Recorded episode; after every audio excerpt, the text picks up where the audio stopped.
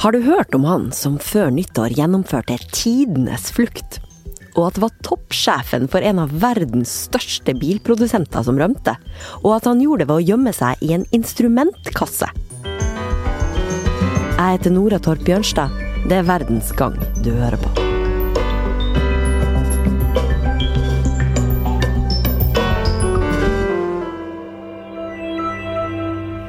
Hvordan endte en av verdens mest vellykka toppsjefer opp som en rømling som nå etterlyses i hele verden? Det er sjelden at historier fra bilindustrien vekker interessen til Hollywoods manusforfattere. Men fortellinga om toppsjefen i Renault Nissan, Carlos Ghosn, er et unntak av ganske åpenbare grunner. Rett før nyttår gjennomførte han tidenes flukt. I tegneserien om hans liv, ja, den er faktisk laga, så oppdager den unge helten Carlos Ghosn sin første superkraft. At han kun ved å høre på bilene som kjører forbi, kan si nøyaktig hvilken modell og årgang kjøretøyet er. Han måtte bli en bilindustriens superhelt. Men brått kom fallet. Underslagsanklagene, varetekt i Japans berykta fengsel, og så en helt spektakulær rømningsaksjon som skal ha involvert en svart instrumentkasse. Uh, for a man who writes books, this one is tailor made. And, and screenplays. I Yes. mean, this is the biggest escape since El Chapo, you know, tunneling up. Han var en forretningslivets superhelt som kunne redde ethvert bilkonsern fra konkurs.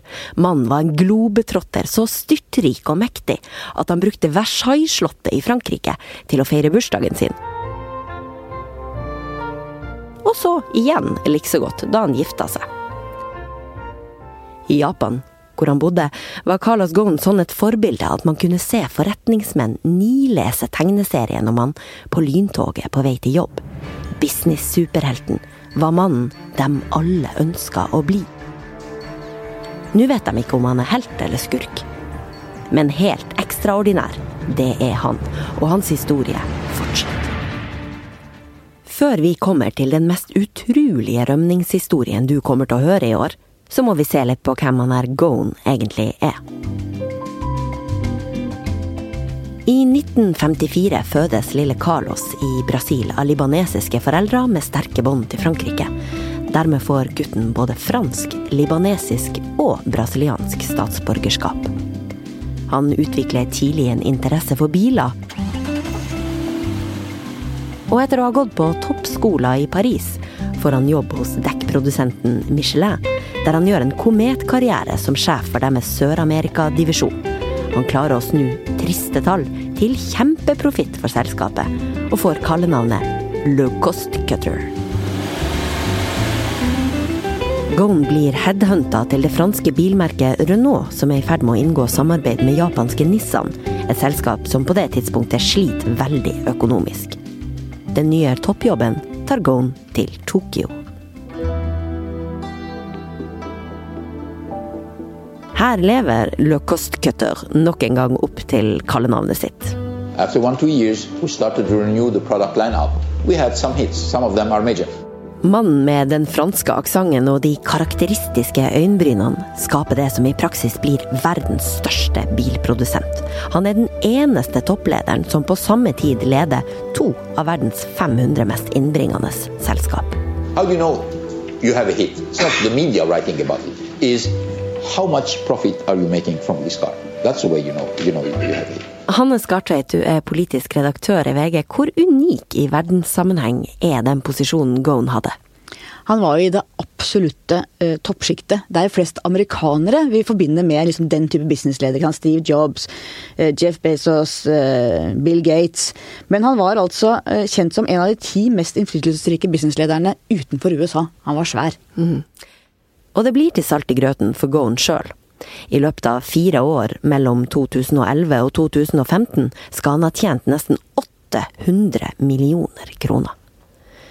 Og det er vel da du kan begynne å invitere til fest på en av verdens mest kjente slott. Bildene fra 50-årsdagen til kona viser antikke møbler som renner over av pastellfarga makroner og frodige blomster. På et bord står en kake like høy som en åtte år gammel unge, Den er dekka av glinsende, sjokoladetrukne vannbakkelskuler. Mellom de 120 gjestene så mingler innleide skuespillere i pudderparykker som er Marie Antoinette verdig. Da Gohn snakka om slottsfesten de hadde i 2016, sa han når du inviterer folk på fest, så sier de kanskje. Men når du inviterer dem til Versailles, da kommer de. Så langt er dette en historie som bare handler om suksess. Men så, Anne, så skjer det noe i november 2018. Han blir arrestert på flyplassen. Stort sjokk for han. Eh, fordi han har underrapportert eh, inntekter. Han har eh, bemidla seg ved selskapet, og det blir rett og slett utstedt en arrestordre på han. Mm. Og han havner i fengsel, og etter hvert i husarrest. Ja, og det her er altså bakteppet for den ganske så utrolige flukthistorien som sjokkerte verden da den ble kjent på nyttårsaften. The chairman of Nissan has fled Japan, where he was awaiting trial on financial misconduct charges. Historien om flukten forbløffer nå en hel verden. Det hele starta med at Gon den 29. desember går ut av boligen sin i Tokyo, der han sitter ganske fritt i husarrest. Han har på seg en svart frakk og munnbind, ikke et uvanlig syn i Japan, der mange bruker det for å holde seg frisk. På et hotell i nærheten møter han to menn. Sammen tar de det lynraske toget til Osaka og tar inn på et hotell i nærheten av flyplassen.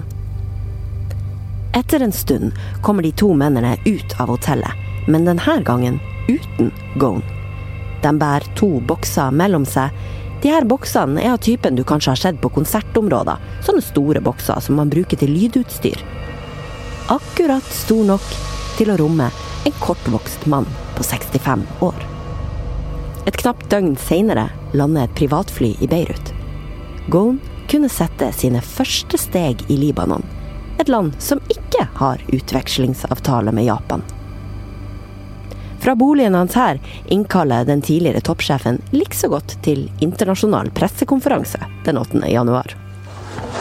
I want to uh, thank you for taking the time to be here, with many of you traveling great distances to join me.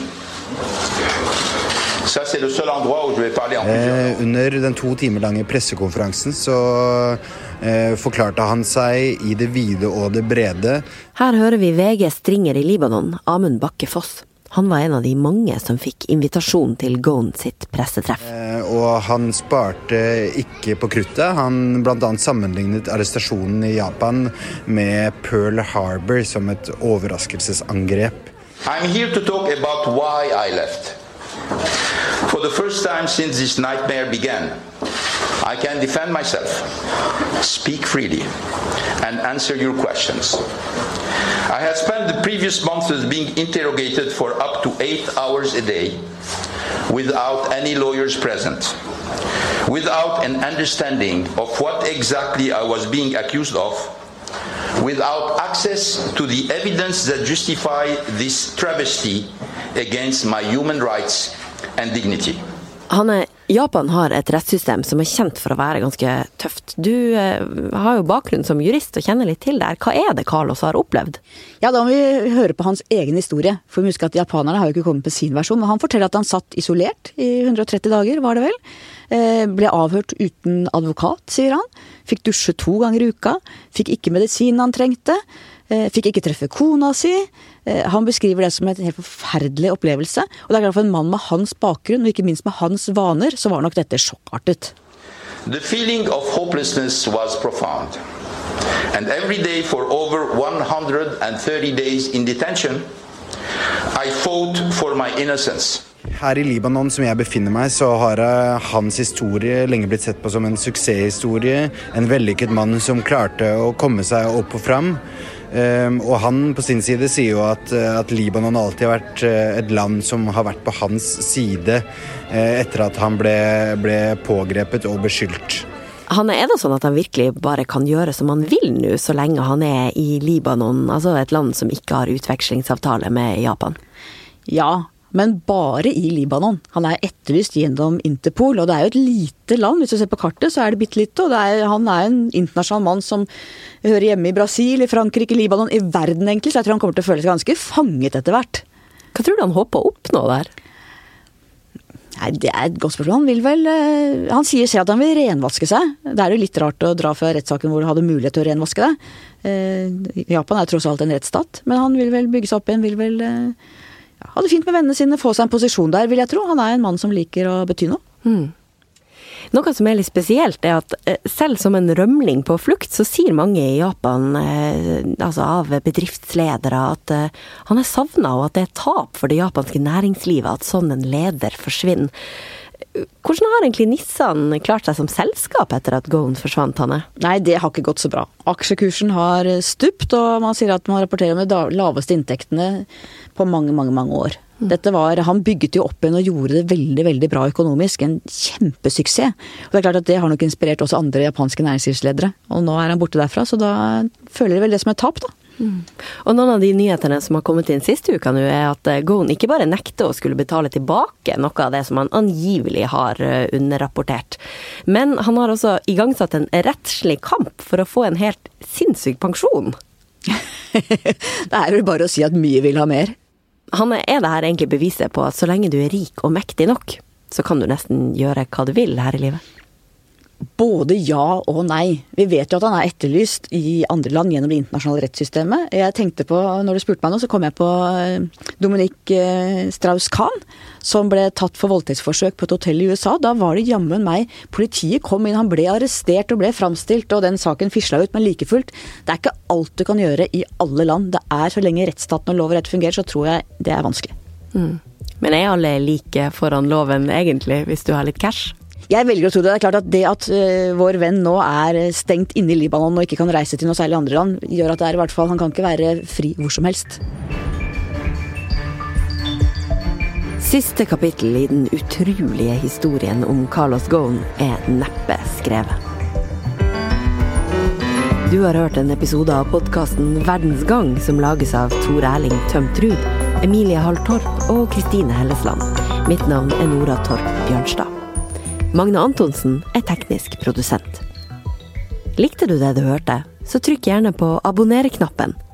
Faste lyttere er det beste vi vet.